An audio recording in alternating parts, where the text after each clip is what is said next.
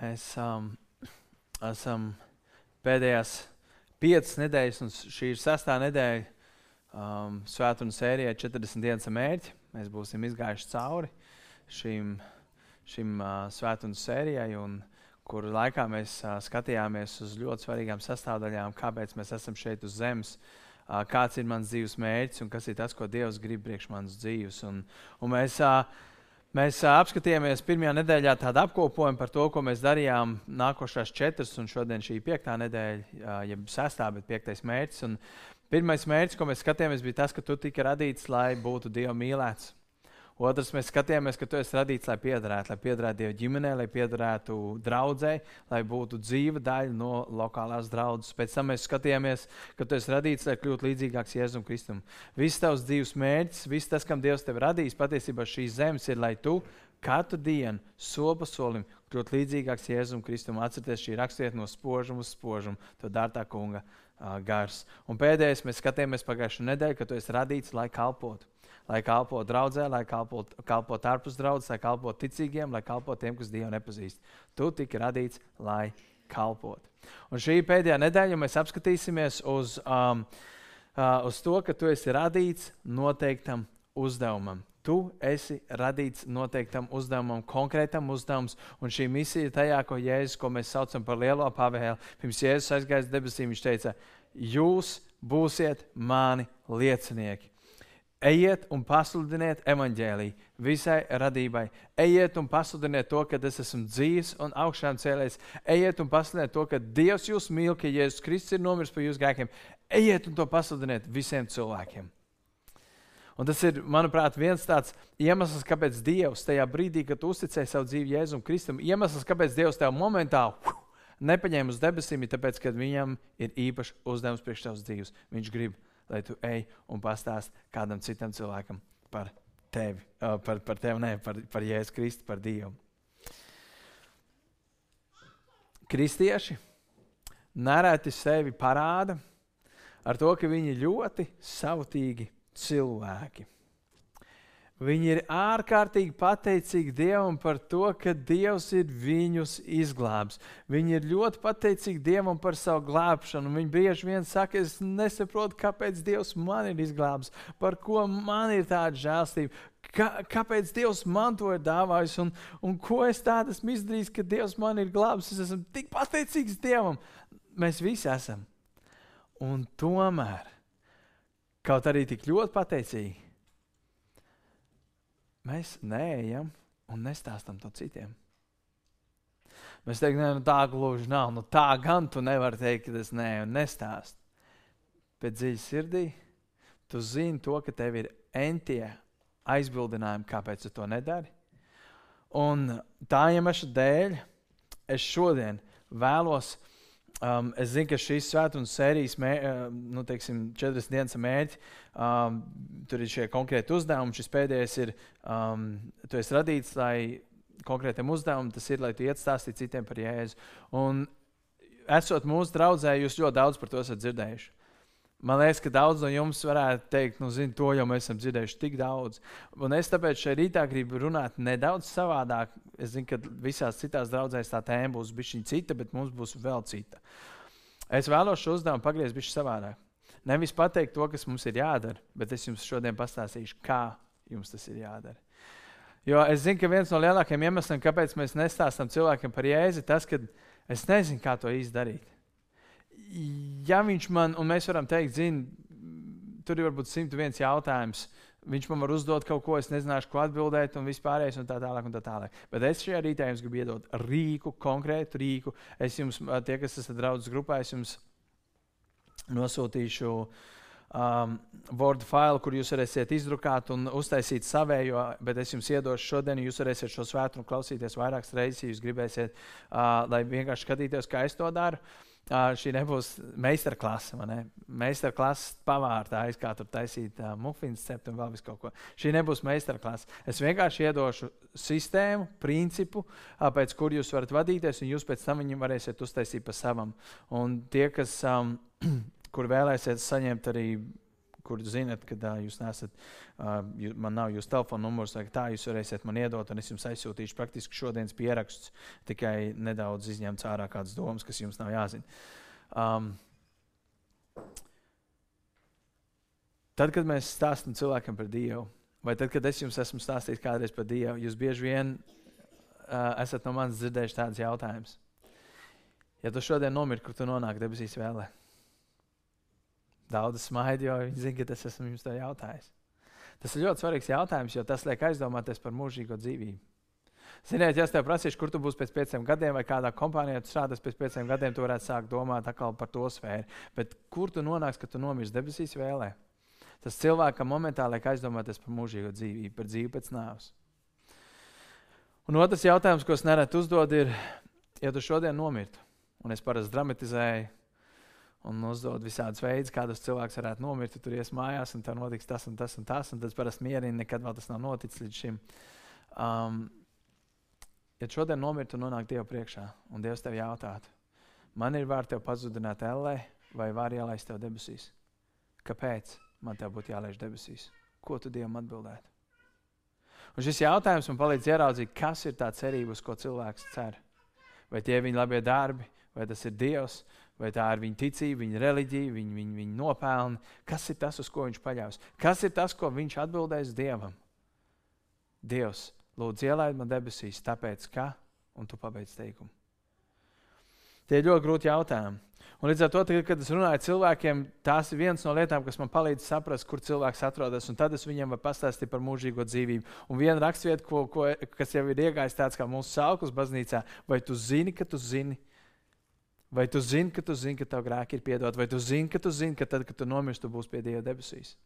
Jo 1. jāņem 5.13. var palūgt rakstiet uz uh, ekrāna, ir tu, uh, tu vari zināt, ka tev ir mūžīgā dzīvība, ja tu tici Dieva dēla vārdam. Un šī ir ārkārtīgi svarīga rakstīt. Šeit rakstīts, tu vari zināt, jūs varat zināt, ka tev ir mūžīgā dzīvība. Un tas parāda to cilvēkam, kurš netic Dievam. Es gribu tev pateikt to, ka tu vari zināt. Tas nav tu vari cerēt, jo mēs vienmēr varam dzīvot cerībā, zini, var būt, bet tu vari zināt simtprocentīgi, ka tu zini, ka tu zini, ka tev tavu grēki ir piedoti, ka tev ir mūžīgā dzīvība. Tu vari to zināt. Un tas ir tas, kas man iedrošina, un, un, un tā ir viena tāds labs sākums, ar ko sākt sarunu. Tu vari zināt. Jo bieži vien cilvēkiem, kad es viņiem saku, kur tu nonāksi, kad tu nomirsti debesīs vēlē, es parasti palīdzu viņiem atvieglot to jautājumu. Es saku, nu, atbild man procentos, 50, 50, 90 par 10, kur. Un tad, kad viņš pasakā, nu, teiksim, nu, 40%, kad debesīs 60 LE, kāpēc 60 LE? Vai kāpēc 40 LE? Kāpēc ir tie procenti? Kas tev ir tā nepārliecinātība? Kāpēc tev nav 100%? Un tad klausies, kas ir tas, ko cilvēks tev atbild. Tāpēc pirmais punkts, kad mēs runājam, um, pirmais punkts ir debesis ir dāvana. Debesis ir dāvana par brīvu. Romiešiem 6,23 ir rakstīts, Dieva žēlastības dāvana ir mūžīgā dzīvība Kristu Jēzu mūsu kungā. Dieva žēlastības dāvana ir mūžīgā dzīvība. Žēlastības dāvana mūžīgā dzīvība dzīvību. Un tāpēc, ka tā ir dāvana, to nevar nopelnīt. Dāvana nav jānopelna. Es to esmu teicis vairāk kārtīgi. Tas, kas notiek Ziemassvētkos, kad atnāks salavēts, noliek tev uz krēsla. Nu, labi uzvedies! Žagars būs vai dāvana būs? Labi, labi uzvedos. Tas viss ir par nopelniem. Ko tu esi pelnījis, kā tu esi uzvedies? Māma, es klausīšu, tēti, es klausīšu, ja nē, es klausīšu, tad žagars. Tas nav tas, par ko ir runa dāvana nevar nopelnīt, tāpēc ka tā ir dāvana. Tas parāda to, ka tādā gadījumā tavi labie darbi, tavas pūles, tavas labās domas, tas, ka tu ej uz baznīcu, tas, ka tu kalpo citiem cilvēkiem, tas viss nevar tev nopelnīt vietu debesīs. Absolūti nekas. Saliec visus savus labos darbus kopā un pareizi viņas ir 20 un būs pa īsu. Jo Efeziešos ir rakstīts, jūs, jo no žēlastības jūs esat pestīti ticībā. Un tas nav no jums, bet tā ir Dieva dāvana, Dieva žēlstības dāvana. Ar darbiem, lai neviens nelielītos. Darbus, lai ieiet debesīs, atstāj viņus malā. Pat nepiemin viņus. Darbi nebūs tie, kas tev ievadīs debesīs, te ir rakstīts, jo no žēlastības. Žēlastība ir, ka tu saņem to, ko tu nespēlnījis, un tu nesaņem to, ko tu esi pelnījis. žēlastībā jūs esat pestīti ticībā, un tas nav no jums. Tā ir Dieva žēlastības dāvana. Tas, ka tu varēsi pēc nāves iet debesu valstībā, vispār nulle ir saistīts ar tevi. Ar tevi, ar taviem nopelniem tas nav saistīts vispār. Tas ir saistīts ar Dieva žēlstības dāvanu. Tāpēc, ja jūs iedomājaties, es aizietu pie tevis un es teiktu, zini, kas ir, es tev gribu uzdāvināt māju. Teikt, tā kā nopietni māja. Jā, klusajā centrā, parka māja. Aizbraucam, pastīties. Mēs aizbraucam, es te parādīju, protams, es teiktu, es neticu, tu man kaut kā tā āzē laukā. Protams, jūs neticāt, jūs zināt, ka man tik daudz naudas nav, bet iedomājieties. Un tagad mēs piebraucam un sakām, jā, reku tev dāvana, es tev gribu uzdāvināt šo māju. Wow! Tad teikt, klausies, to nu es, es, es biju krājis, zinu, kaut kādus dažus gadus es biju krājis, zinu, tur gribēju kaut ko pirkt, un tā, reku, es te sakrāju, esmu vienu tūkstošu, ņem to tūkstošu, es tev gribu dot, zinu, nu, bišķiņ, paņem kaut ko vismaz, lai tev. Tā vairs nebūs dāvana. Ja es tev dāvinu, ņem. Viss, kas tev ir jādara, paņem atslēgas un ej iekšā. Ņem. Tāpat vienkārši. Vienkārši tāpat vienkārši. Ej iekšā. Tev nekas nav jāmaksā. Un, ja tu gribi samaksāt pat vienu centu, tā vairs nav dāvana. Un tā ir tā ideja. Ja tu gribi ar saviem darbiem nopelnīt glābšanu, tad to nevari. Tu vai nu pieņem dāvanu, tu vai nu pelni pats, bet tu nevari abus divus. Tu viņus kopā salikt nevari. Dāvanu var pieņemt par brīvu. Bet tad jautājums, kāpēc neviens nevar nopelnīt? Kāpēc? Kāpēc mēs nevaram nopelnīt uz ceļu uz debesīm? Un tas man aizved pie otrā punkta. Un šis punkts ir tas, ka katrs cilvēks ir grēcinieks. Cilvēks ir grēcinieks. Un es gribu, lai jūs saprotat vienu lietu.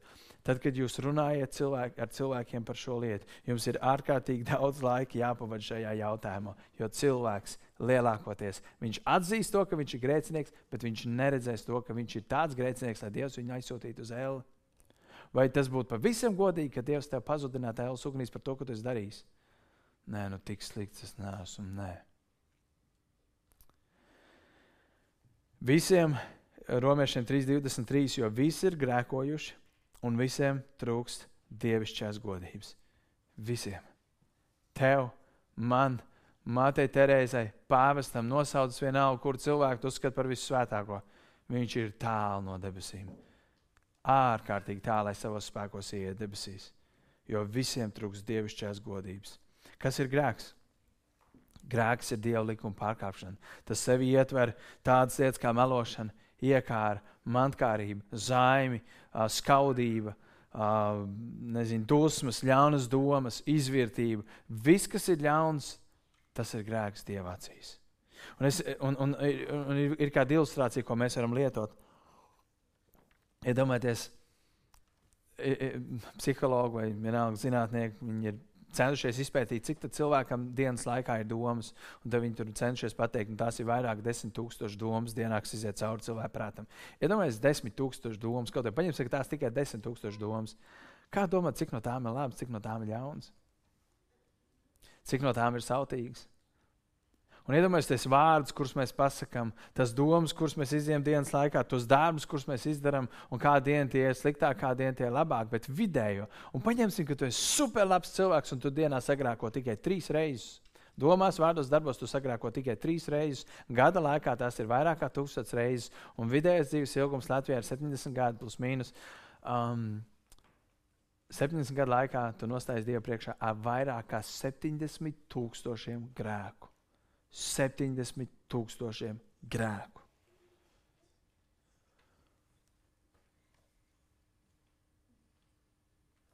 Kas notiek ar noziedznieku, ja viņš nonāk tiesas priekšā un viņam ir 70 tūkstoši grēku?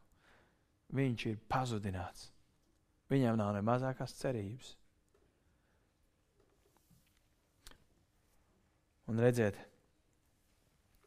ja cilvēks sevi nevar izglābt, Un ja tavi labie darbi nevar tevi ievest mūžīgā dzīvībā, un dažreiz mēs domājam, nu, zin, es centīšos darīt labu.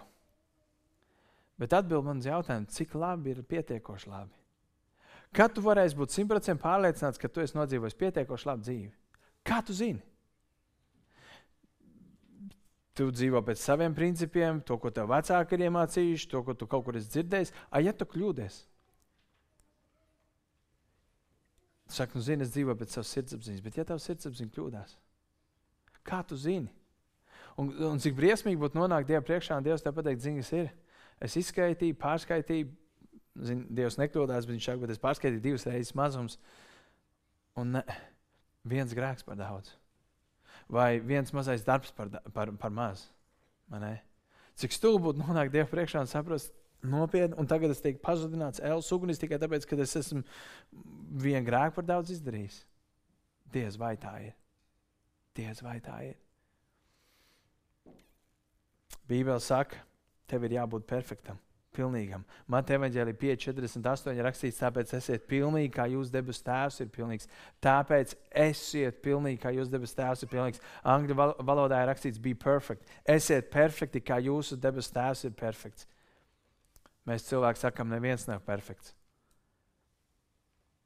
Bet Dievs saka, esiet perfekti, kā arī Viņš pats ir perfekts un tik augstu standartu būt pilnīgi perfektam, neviens cilvēks nespēja nodzīvot. Piekritīsim, neviens. Mēs gribam, bet mēs nespējam. Un Jāka vēstule 2.10 ir rakstīts, jo kas visu bauslību pildīt, bet grēkot pret vienu bausli, tas ir noziedz, noziedzies pret visiem. Pat ja tu turētu visus deviņus, bet grēkot pret vienu, tu esi vainīgs pret visiem. Es teiktu, tas nav godīgi. Zini, kāpēc? Tāpēc, ka Nav starpības, ko tu esi izdarījis, bet runa ir par to, pret ko tu to esi izdarījis. Un katrs grēks, katra netaisnība, ko mēs izdarām, ir pirmkārt pret Dievu. Ziniet, ja jūs atnākat pie manas ciemos un es jūs uzaicinātu uz brokastīm, un es teiktu, nāc ātrāk, taisīsim kopā brokastis, un es taisu brokastis, un es taisītu omleti, un es paņēmu četras olas un iesīstu, un es teiktu, zini kā, vajag piekto, bet Ai, man te viena trīs mēnešu veca ola ir, un es to iestīšu. Tas jau nekas traks, kā četras slāpes, viens slikti paņem, oh, kas ir. Oh. Bet, zināmā mērā, viss kārtībā, es samēsīšu kopā, tas nekas traks nebūs izcepts. Ne? Jautājums, cik um, labprāt jūs ēst tādu omleti, kas būtu taisīta no četrām labām olām un no vienas slikts? Diez vai jūs gribētu ēst tādu omleti? Jūs teikt, zināmā mērā, to mēs vispār jau pārējām mājās. Tad droši vien es paskatīšos. Un tas ir tieši tāpat, kad mēs domājam, zini, es grēkoju un es daru kādas labas lietas, un tas ir tieši tas pats. Tikai tāpēc, ka tu dari kādas labas lietas savā dzīvē, neatsver tās sliktās lietas, kuras tu esi izdarījis. Un tāpēc šajā punktā, kad mēs runājam, mums ir jāsaprot to, mēs nevaram cilvēkam pastāstīt labās ziņas, mēs nevaram cilvēkam pastāstīt to, ka Dievs viņu mīl, ja viņš pat nesaprot vajadzību pēc tā. Cilvēkam ir jāierauga to, ka viņš bez Dieva ir pazudis, viņam jāierauga to, ka Bībele runā, ka visi ir grēkojuši un visi ir vainīgi Dieva priekšā un visiem trūks dievišķās godības. Ja tu sevi neredzi kā grēcinieku, nav jēga viņam stāstīt par to, ko Dievs ir priekš viņu izdarījis. Tas ir tieši tāpat, ja jūs aiziet pie ārsta un ārsts būtu saraizējis viņš teikt, klausies, man baigās problēmas, reku ņem tabletes, āda dzer iekšā, ja nē, cauri ir ar tevi. Es teiktu, nomierinies, viss kārtībā, kāpēc saka? Bet ja viņš, es teiktu, man labi, kāpēc man, man nevajag neko dzert, bet ja viņš atnāk un teikt, Tom Zings ir, reku ir lapiņa. Pēc savām pēdējām analīzēm tev ir atklāta tāda, tāda slimība. Būtībā ārsts saka, tev ir nepilns mēnesis palicis, ko dzīvot. Um, man ļoti žēl. Tajā brīdī tev visiem viss dzīve cauri un saprot, ej, tu nost. Bet tajā brīdī viņš saka, zini, bet ir labās ziņas. Rekur ir jauns tabletes izgudrots. Viņas Latvijā ir tikai pieejams pavisam retiem cilvēkiem. Ir buļģiņi. Trīs reizes dienā, nedēļa no vietas, un tu dzīvos līdz sirmam vecumam. Es to buļģiņu paņemšu, teikšu paldies gadījumā, lai es nepārdomāju. Un es noteikti viņus lietošu. Un tieši tāpat ar cilvēku. Ja viņš neredz, ka viņš ir pazudis, ja viņš neredz, ka viņš ir grēcinieks, mums nav jēga viņam stāstīt to, cik Dievs viņu ļoti mīl. Mums šajā punktā, kad mēs runājam par cilvēku, par to, kāds ir cilvēks, mums ir jāparāda to, ka cilvēks ir pazudis, viņš ir grēcīgs, viņš ir ļauns un nav neviens cilvēks, kas dara tikai labu un kas, kas nekad negrēkot. Šeit, tad, kad jūs runājat cilvēkiem, jums ir jāpas, jā, jums ir jā, jānodod tā vēsts tā, lai viņš saprastu, ka viņš ir pilnīgs grēcinieks. Tad, kad es runāju cilvēkiem, man vienmēr paticis tas moments, kurā cilvēks saprot to brīdi, ka patiesībā viņš ir kļūdījies. Un es atceros, kad mēs īrijā, kad es dzīvoju, kad es gāju ar mācītāju pie cilvēkiem, viņš stāstīja viņiem par evaņģēliju. Par stāstu evaņģēliju, es domāju, lūdzu, pastāstiet viņiem arī tās labās ziņas. Lūdzu, lūdzu pastāstiet viņas moki, trausmīgi. Viņš tik runā par grēku, par grēku, par grēku. Man liekas, ārprāts. Viņi vairs nekad par Dievu negribēs dzirdēt. Bet es pēc tam sapratu, nav jau jēga viņam stāstīt neko citu, ja viņš nesaprot, kas viņš, kāds viņš patiesībā ir. Tāpēc šis punkts ir ārkārtīgi svarīgs. Mēs runājam, tas punkts bija, katrs, ka cilvēks ir grēcinieks. Ir, tev ir jāpaspēj caur rakstiem parādīt, ka tas cilvēks patiesībā nav tik labs, cik viņš domā, viņš ir. Un, ziniet, šis ir pretēji tam, ko daudz kur mācās. Daudz kur mācās tā, tev ir jāspēj ieraudzīt otrā cilvēkā tās labās lietas. Ziniet, es daudz labāk. Daudz labāk, kad es runāju ar cilvēkiem, es teiktu, cik viņš ir labs, kāds malecis viņš ir, cik labi viņam padodas tas un šis un vēl nezinu kas. Vai kāda jēga man viņu slavēt, ja es zinu, ka viņa grēks viņš ir no Dieva, un ja viņš neatgriezīsies no saviem grēkiem, viņš ies bojā. Tad es labāk visu savu uzmanību vēl tam, lai parādītu to, cik liels grēcinieks viņš ir un cik ļoti viņš ir pazudis. Un tad, kad viņš to sāks satvert, tad, kad es jutīšu, kad viņi sāk tas grēks nospiest, tad es varu viņam sākt stāstīt. Un tad mēs varam pāriet tālāk. Tad, kad viņš sapratīs, ka viņš ir pazudis, tad mēs varam aiziet pie nākamā punkta, kur rakstīts, Dievs ir žēlsirdīgs. Tur rakstīts, Dievs ir taisnīgs arī, līdz tam mēs tiksim, bet Dievs ir žēlsirdīgs. Un tāpēc, ka tu esi pazudis grēcinieks, un tev nav cerības pašam savos spēkos iet mūžīgā dzīvībā. Tāpēc Dievs ir žēlsirdīgs, un tāpēc Viņš nevēlas mūs sodīt. Un nākošā raksturvietā ir rakstīts, ka Dievs ir mīlestība, un Dievs saka, es tevi esmu mīlējis ar mūžīgu mīlestību. Dievs ir mīlestība, un Viņš ir mīlējis tevi ar mūžīgu mīlestību. Viņš saka, es tevi ārkārtīgi mīlu, es tevi tik ļoti mīlu, ka es negribu tevi pazudināt. Es tevi ļoti, ļoti, ļoti mīlu. Bet tieši tāpat Bībele, kur saka, Dievs tevi ļoti mīl, tāpat Bībele saka, Dievs kurš ir žēlsirdīgs, tāpat Bībelē saka, ka Dievs ir arī taisns. Un, ja Dievs ir taisns, viņš nevar atstāt grēku nesodītu.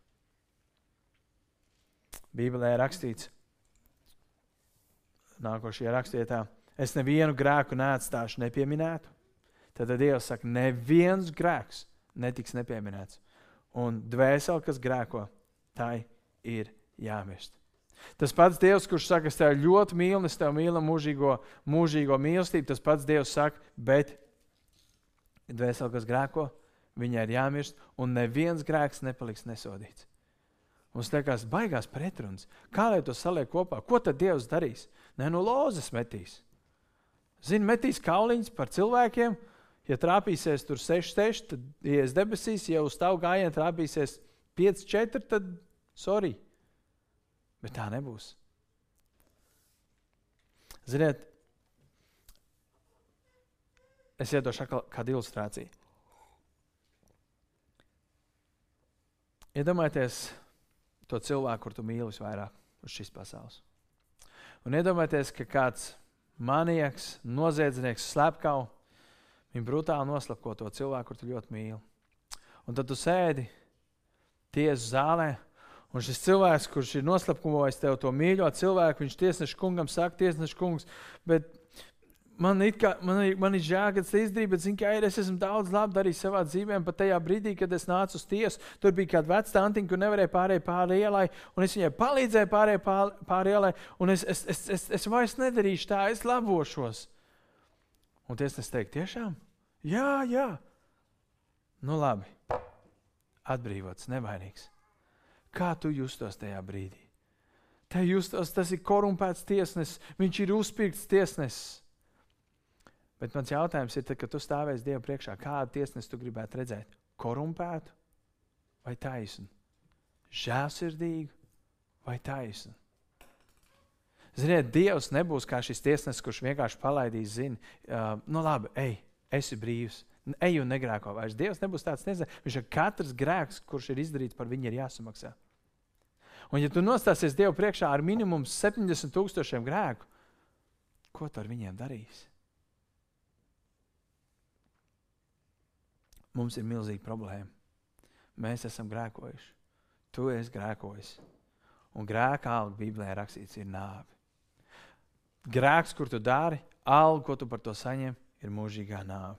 Un tas, kas mums ir vajadzīgs, mums ir vajadzīga atdošana. Mums ir vajadzīgs, ka kāds var atlaist mums šo parādu, ka kāds var piedot to, ko mēs esam izdarījuši, lai mums varētu būt patiesas attiecības ar Dievu. Ziniet, kas paliek? Es atgādinu pašā sākumā. Mūžīgā dzīvība ir dāvana no Dieva. To nevar nopelnīt. Un, ja to nevar nopelnīt, ja tu to nevari nopelnīt, es to nevaru nopelnīt, tad kurš to var? Dievs kaut ko izdarīt tavā vietā. Un tas man aizved pie nākamā punkta - Jēzus Kristus. Dievs sūtīja savu dēlu Jēzu Kristu. Pēc tavām domām, kas ir Dievs, kas ir Jēzus Kristus? Bībele saka, ka viņš bija vienlaicīgi Dievs un viņš bija vienlaicīgi cilvēks. Mēs lasām nākošajā rakstvietā, iesākumā bija vārds, tas ir domāts Jēzus. Tad iesākumā bija Jēzus, un Jēzus bija pie Dieva, un Jēzus kļuva par miesu un mājoja mūsu vidū. Tas, ko Jēzus izdarīja, viņš bija pats Dieva dēls, kurš mājoja pie Dieva, un viņš izdarīja izvēli nākt uz zemi, kļūt par cilvēku, tajā pašā laikā paliekot par Dievu, bet lai viņš varētu samaksāt, lai viņš varētu sagatavot to dāvanu, kur Dievs tev var pasniegt par velti, kur nekas tev nav jāpieliek klāt. Viņš nomira, Jēzus Kristus nomira pie krusta, lai samaksātu sodu par taviem grēkiem un augšām cēlās no nāves, lai samaksātu sodu, un tu varētu būt debesīs. Iesaistīt 53. nodaļā, 6. pāntā rakstīja brīnišķīgi vārdi. Mēs visi maldījāmies kā avis, ik viens raudzījās tikai uz savu ceļu, bet tas kungs uzkrāja visus mūsu, mūsu grēkus viņam. Mēs maldījāmies, Mēs grēkojām, mēs darījām to, kas bija tīkams mums. Mums neinteresē to, kas notiek ar Dievu, bet tajā brīdī, kad mēs grēkojam, tie ir rakstīts, Dievs uzkrāja mūsu grēkus viņam. Un es vēlos iedot jums ilustrāciju. Iedomājieties, ka šī ir tava dzīves grāmata, un tu nonāc dzīves beigās Dievu priekšā. Tur ir tavs vārds, tava bilde Kādas meitenes iespējams teiks, kāpēc tā bilde izvēlējās. Man nepatīk tur slēgā izties. Bet tur ir tā bilde, un Dievs atvērs vaļā to grāmatu. Un no pirmās lapas puses viņš ies cauri un skatīsies. Viņš pasties, jāatzīst tajā, tajā gadā, re, ir jā, jau pirmie grēciņi sākās. Nu, jā, šeit ir no, nosaukums, kāpēc es esmu tik tukšs un tad to gāju un aizvietoju sev ar visādām lietām, ka, kas nebija patīkams dievam. Un visu tavu grēkotību, kad es darīju, domāju un izteicu, ir pierakstīts šajā grāmatā. Šī grāmata reprezentē tavus grēkus. Tas bija tavs ceļš, tavi grēki, viss tas, ko tu darīji. Tas viss ir tavs grēks, tad, kad tu nonāc priekšā. Tie ir tavi grēki, tie ir tavi 70, 000, 700 tūkstoši. Tie ir visi tavi grēki, kurus tu jebkad esi darījis. Bet ziniet, ko izdarīja Dievs? Tur rakstīts, Viņš mūsu, visus mūsu grēkus uzkrāja viņam. Jēzus Kristus bija bez grēka, Jēzus Kristus bija taisns. Jēzus Kristus nebija darījis nevienu sliktu grēku. Viņš bija perfekts. Viņš varēja šādā stāvoklī, kā plika roka, viņš var iet debesīs. Šī roka nevar iet debesīs, jo viņa arī ir pilna ar grēkiem. Jēzus Kristus, un te ir rakstīts, Dievs paņēma visus mūsu grēkus uzkrāva Jēzum Kristum. Un mēs palikām bezgrēcīgi. Un viss grēks tagad ir uz Jēzus Kristu. Jūs redzat, kas ir noticis? Grēks bija uz mani, bet tagad Dievs paņēma šo grēku un pārlika uz Jēzu Kristu. Un pēkšņi es esmu tāds, kā tikko bija Jēzus bez grēka, tagad es esmu bez grēka. Es esmu taisns, es esmu tīrs, es esmu šķīsts. Un tad mums uzreiz ir jautājums, kas notiks ar Jēzu Kristu? Kas notiks ar viņu, kad viņam ir, un iedomājieties, Dievs saka, visus mūsu grēkus viņš uzlika uz Jēzu. Tas nozīmē, šeit ir tikai viena grāmata. Iedomājieties, ka tie ir mani grēki. Bet te ir tava grāmata, un tava grāmata, un tava grāmata, un tava grāmata. Es pat viņus visus nevarētu noturēt rokā. Un Bībele saka, ka visus mūsu grēkus Dievs uzkrāja Jēzum Kristum uz viņu pleciem. Tad, kad Jēzus Kristus karājās pie krusta, viņš teica, Tēvs, kāpēc tu mani atstājis? Kāpēc tu man, pa, man pametis? Zini, ko Dievs bija izdarījis? Dievs bija pagriezies projām no šiem grēkiem. Bībelē rakstīts, neviens grēks nepaliks nesodīts. Tas nozīmē, tajā brīdī, kad tavi grēki bija uzkrauti uz Jēzus Kristus muguras, uz viņa brūcēm, tajā brīdī Jēzus Kristus Kristus maksāja to samaksu par taviem grēkiem. Un tad, kad mēs taisām šo maiņu, gan mēs, gan Jēzus Kristus var būt pie tēva, tāpēc, ka par grēkiem ir samaksāts pie, pie krusta Golgātā. Tas ir vienīgais veids, vienīgais ceļš, kā tu vari saņemt grēku piedošanu. Ja tu ies pa citu ceļu, tas tev aizvedīs uz pazušanu. Dievs ienīst mūsu grēkus bet tāpēc, ka Viņš mūs ļoti, ļoti mīl. Tāpēc, ka Viņš mūs mīlēja ar mūžīgu mīlestību, tāpēc, ka um, um, Viņš ir mīlestība. Viņš nevarēja vienkārši ļaut mums pazust savos grēkos. Un tāpēc Viņš sūtīja savu dēlu, Kristu, caur kuru Viņš samaksāja, lai tev nebūtu jāmaksā. Jo tu neko nevari izdarīt, lai samaksātu, un plus tā ir dāvana, ko Dievs dāvā par brīvu. Jautājums, kā es varu saņemt šo atdošanu, kad es palieku brīvs.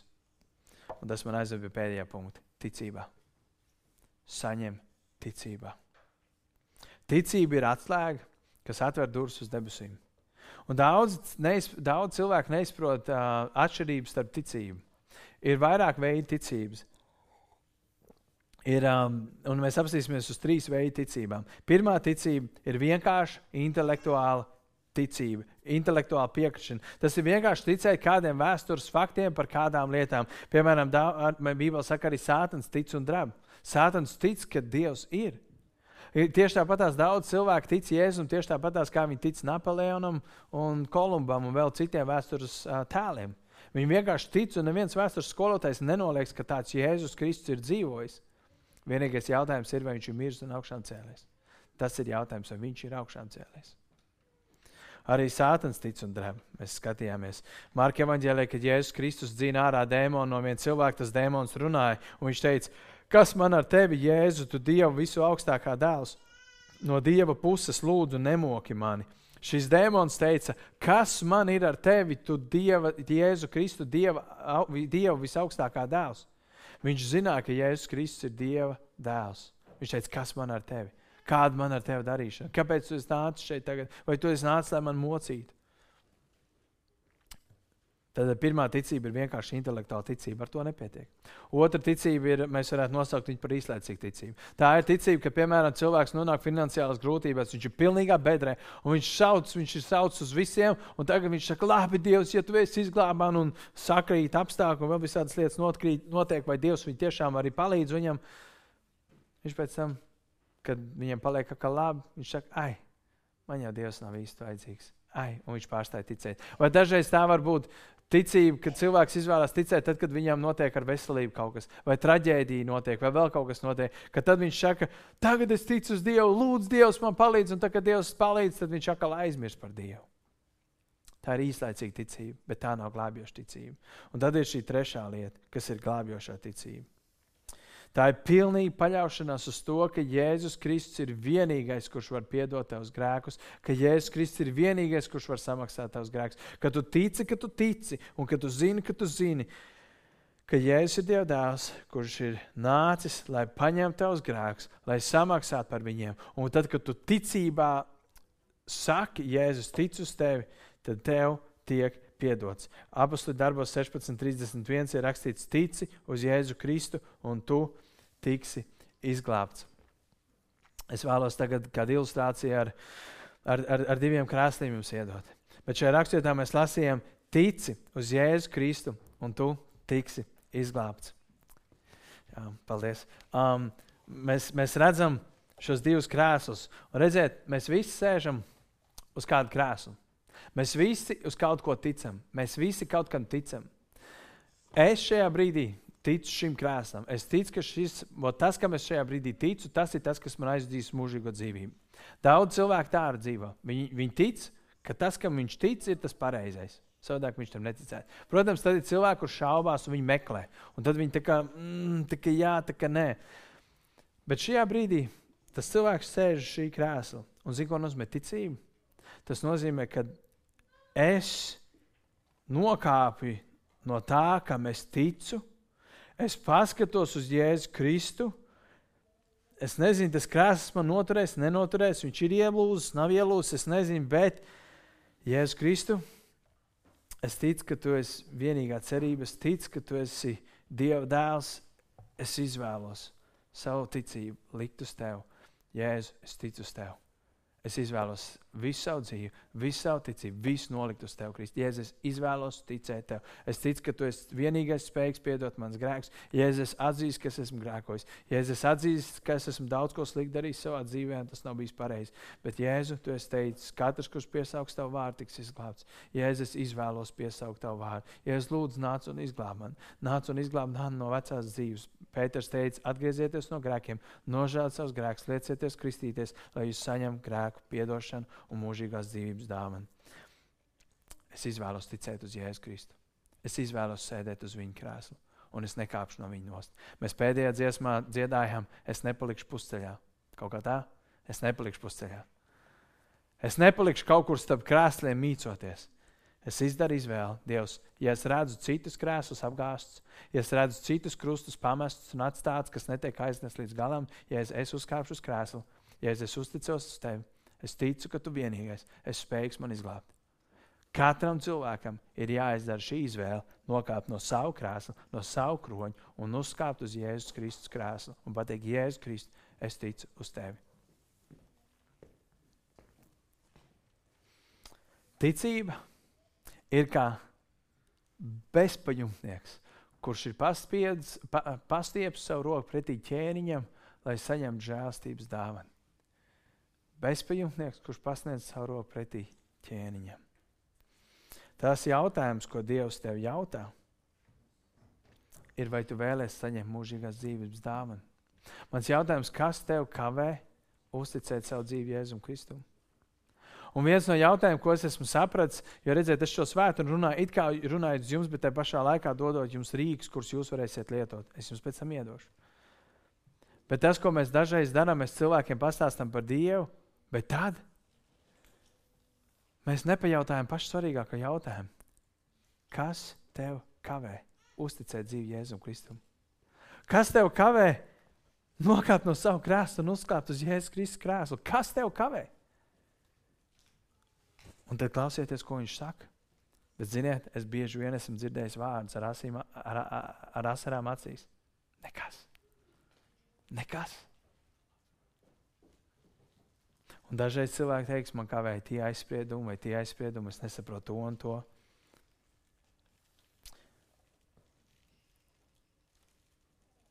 Atklāsmes grāmatā, tā rakstiet, nebūs uz ekrāniem, bet ir rakstīts, es stāvu durvju priekšā un klaudzinu. Ja kas dzird man balsu un durvis atdara, es iešu pie viņa. Dievs runā. Un ir žēlstības laiks, kurā mēs dzīvojam. Bet kādu dienu žēlstības laikam pienāks gals un sāksies tiesas diena. Tas, ko mēs varam aicināt cilvēkus darīt, mēs varam aicināt cilvēkus nākt un nožēlot grēkus, izsūdzēt grēkus Dievam, uzticēt savu dzīvi Jēzum Kristum, ļaut viņiem izdarīt šo ticības lēmumu. Bet tas ir tavs un mans uzdevums aicināt viņus uz to. Un pēdējā raksturiet, jo romiešiem 10, 10, 13. 10, 10, 10, 13. Jo ar sirds ticību ir panākama taisnība un ar mutes liecību pestīšana. Jo ik viens, kas piesauc tā kungu vārdu, tiks izglābts. Ik viens, kas piesauc tā kungu vārdu, tiks izglābts. Tagad es vēlos vienu lietu pateikt jums. Es jums iedevu rīkus, jeb tās tos lielos punktus, 1, 2, 3, 4, 5 ka dāvana, mūžīgā dzīvība ir dāvana, un cilvēks ir grēcinieks, bet Dievs ir žēlsirdīgs, bet tā pašā laikā taisnīgs, un tāpēc Viņš sūtīs savu Jēzu Kristu, lai tu ticībā var saņemt grēku piedošanu. Bet es, es, es domāju par kādām lietām un par laiku, kurā mēs ieejam. Ļoti iespējams. Šī ir pēdējā svētdiena, kad mēs nezinām, cik ilgā laikā sanākam kopā. Ļoti iespējams, ierobežojumi var palikt vēl stingrāk, un mēs varam nokļūt tajā situācijā, kurā mēs bijām pavasarī, kad vienīgās tikšanās, kas būs atļauts, būs viens pats mājās, jeb viens pret vienu. Tas, ko mēs zinām un redzam Facebookā, ka daudz cilvēku tagad uzdod jautājumus man, um, kā mums tālāk? Kā es izdzīvošu. Daudz cilvēku tiks atlaists, daudz cilvēku bija cēluši savas valstības, viņi bija plānojuši biznesa plānus, viņi bija plānojuši, ka viņi strādās, viņi bija plānojuši, ka viņi cels, viņi bija plānojuši, ka viņi uzcels savu māju, savu biznesu, nopirks savu mašīnu, darīs, dzīvos, viss būs labi. Un pēkšņi viens dienas, jeb nu jau vairs varētu, nevarētu teikt, ka viens dienas laikā, bet viss plāns sabrūk. Un daudz cilvēku, tas, uz ko viņi cerēja, viņiem viss sabrūk. Un tas, ko mums tiek tagad izdots, ir nesatikties, nenāk kopā Es gribu pateikt vienu lietu. Mēs varam domāt, ka šis viss, kas notiek pasaulē, tas ir vienkārši zin, fiziski. Es jums varu apliecināt, tas vispār nav saistīts ar fizisko. Nē, nu, tas ir saistīts, teikt, bet primāri tas ir saistīts ar garīgo. Tas ir saistīts ar garīgo, kas tagad notiek. Ja mēs, kristieši, ļausim tiem cilvēkiem, un uz ko es jūs gribu aicināt, Iespējams, katrs no jums zināsiet cilvēks, kas pazaudēs darbus, cilvēks, kas nokļūs grūtībās, cilvēks, kas sāks apsvērt savu dzīves jēgu un vispār uzdos jautājumus, kas notiek. Šie cilvēki būs izmisumā. Un tad būs aizliegts satikties ar cilvēkiem. Un mēs visi sēdēsim katrs savā mājā, bailē, ka mēs nesaslimsim. Un tāpēc es jūs gribu aicināt. Iet ārā pie cilvēkiem, kurus jūs zināsiet, pazīsiet, kur ir vien paši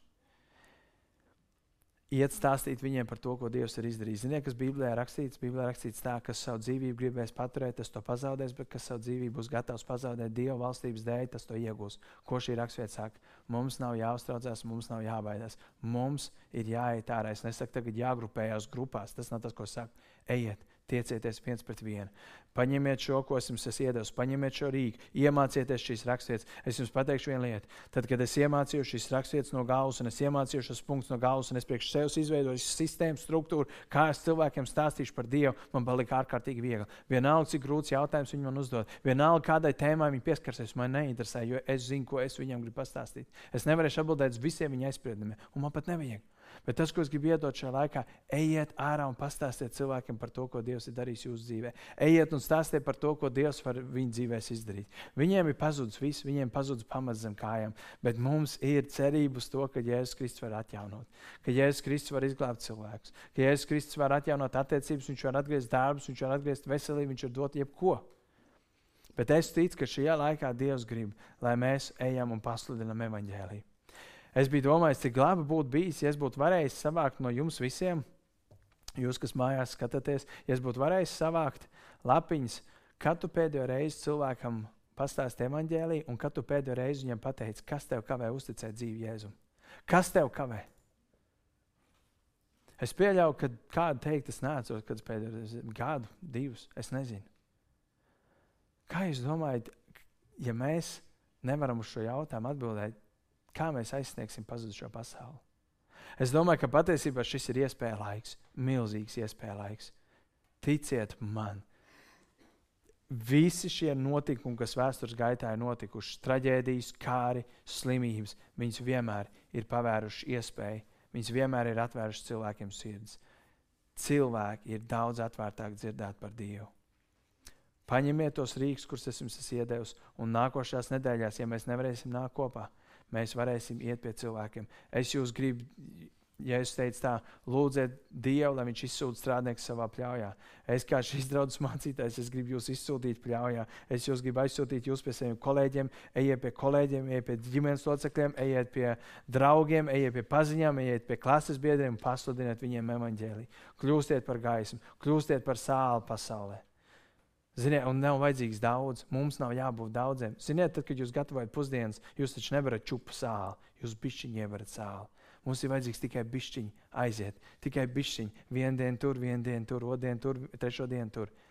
Ejiet par gaismu, tur, kur ir tums. Ejiet un esiet par sāli, tur, kur sāls ir vajadzīgs. Bet es gribu, lai jūs noslēdzot šo 40 dienu sēriju, es vēlos, lai mēs apzināmies, ka tu esi radīts noteiktam uzdevumam. Pirmkārt, lai tu būtu Dieva mīlēts, atsauktos Dieva mīlestībai, um, lai tu piedarētu Dieva draudzē, lai tu kļūtu līdzīgāks Jēzum Kristum, lai tu kalpotu draudzē un ārpus draudzes, un lai tu iet un stāstītu citiem par Jēzu Kristu. Viens no aizspriedumiem ir, mēs nemākam to darīt. Tu vari klausīties, vēl vienreiz man svētru mājās pierakstīt. Es jums izsūtīšu savus pierakstus. Uzrakstiet savus piemērus, iemācieties šīs desmit rakstietas no galvas un ejiet un esiet par gaismu tiem, kas dzīvo tumsā.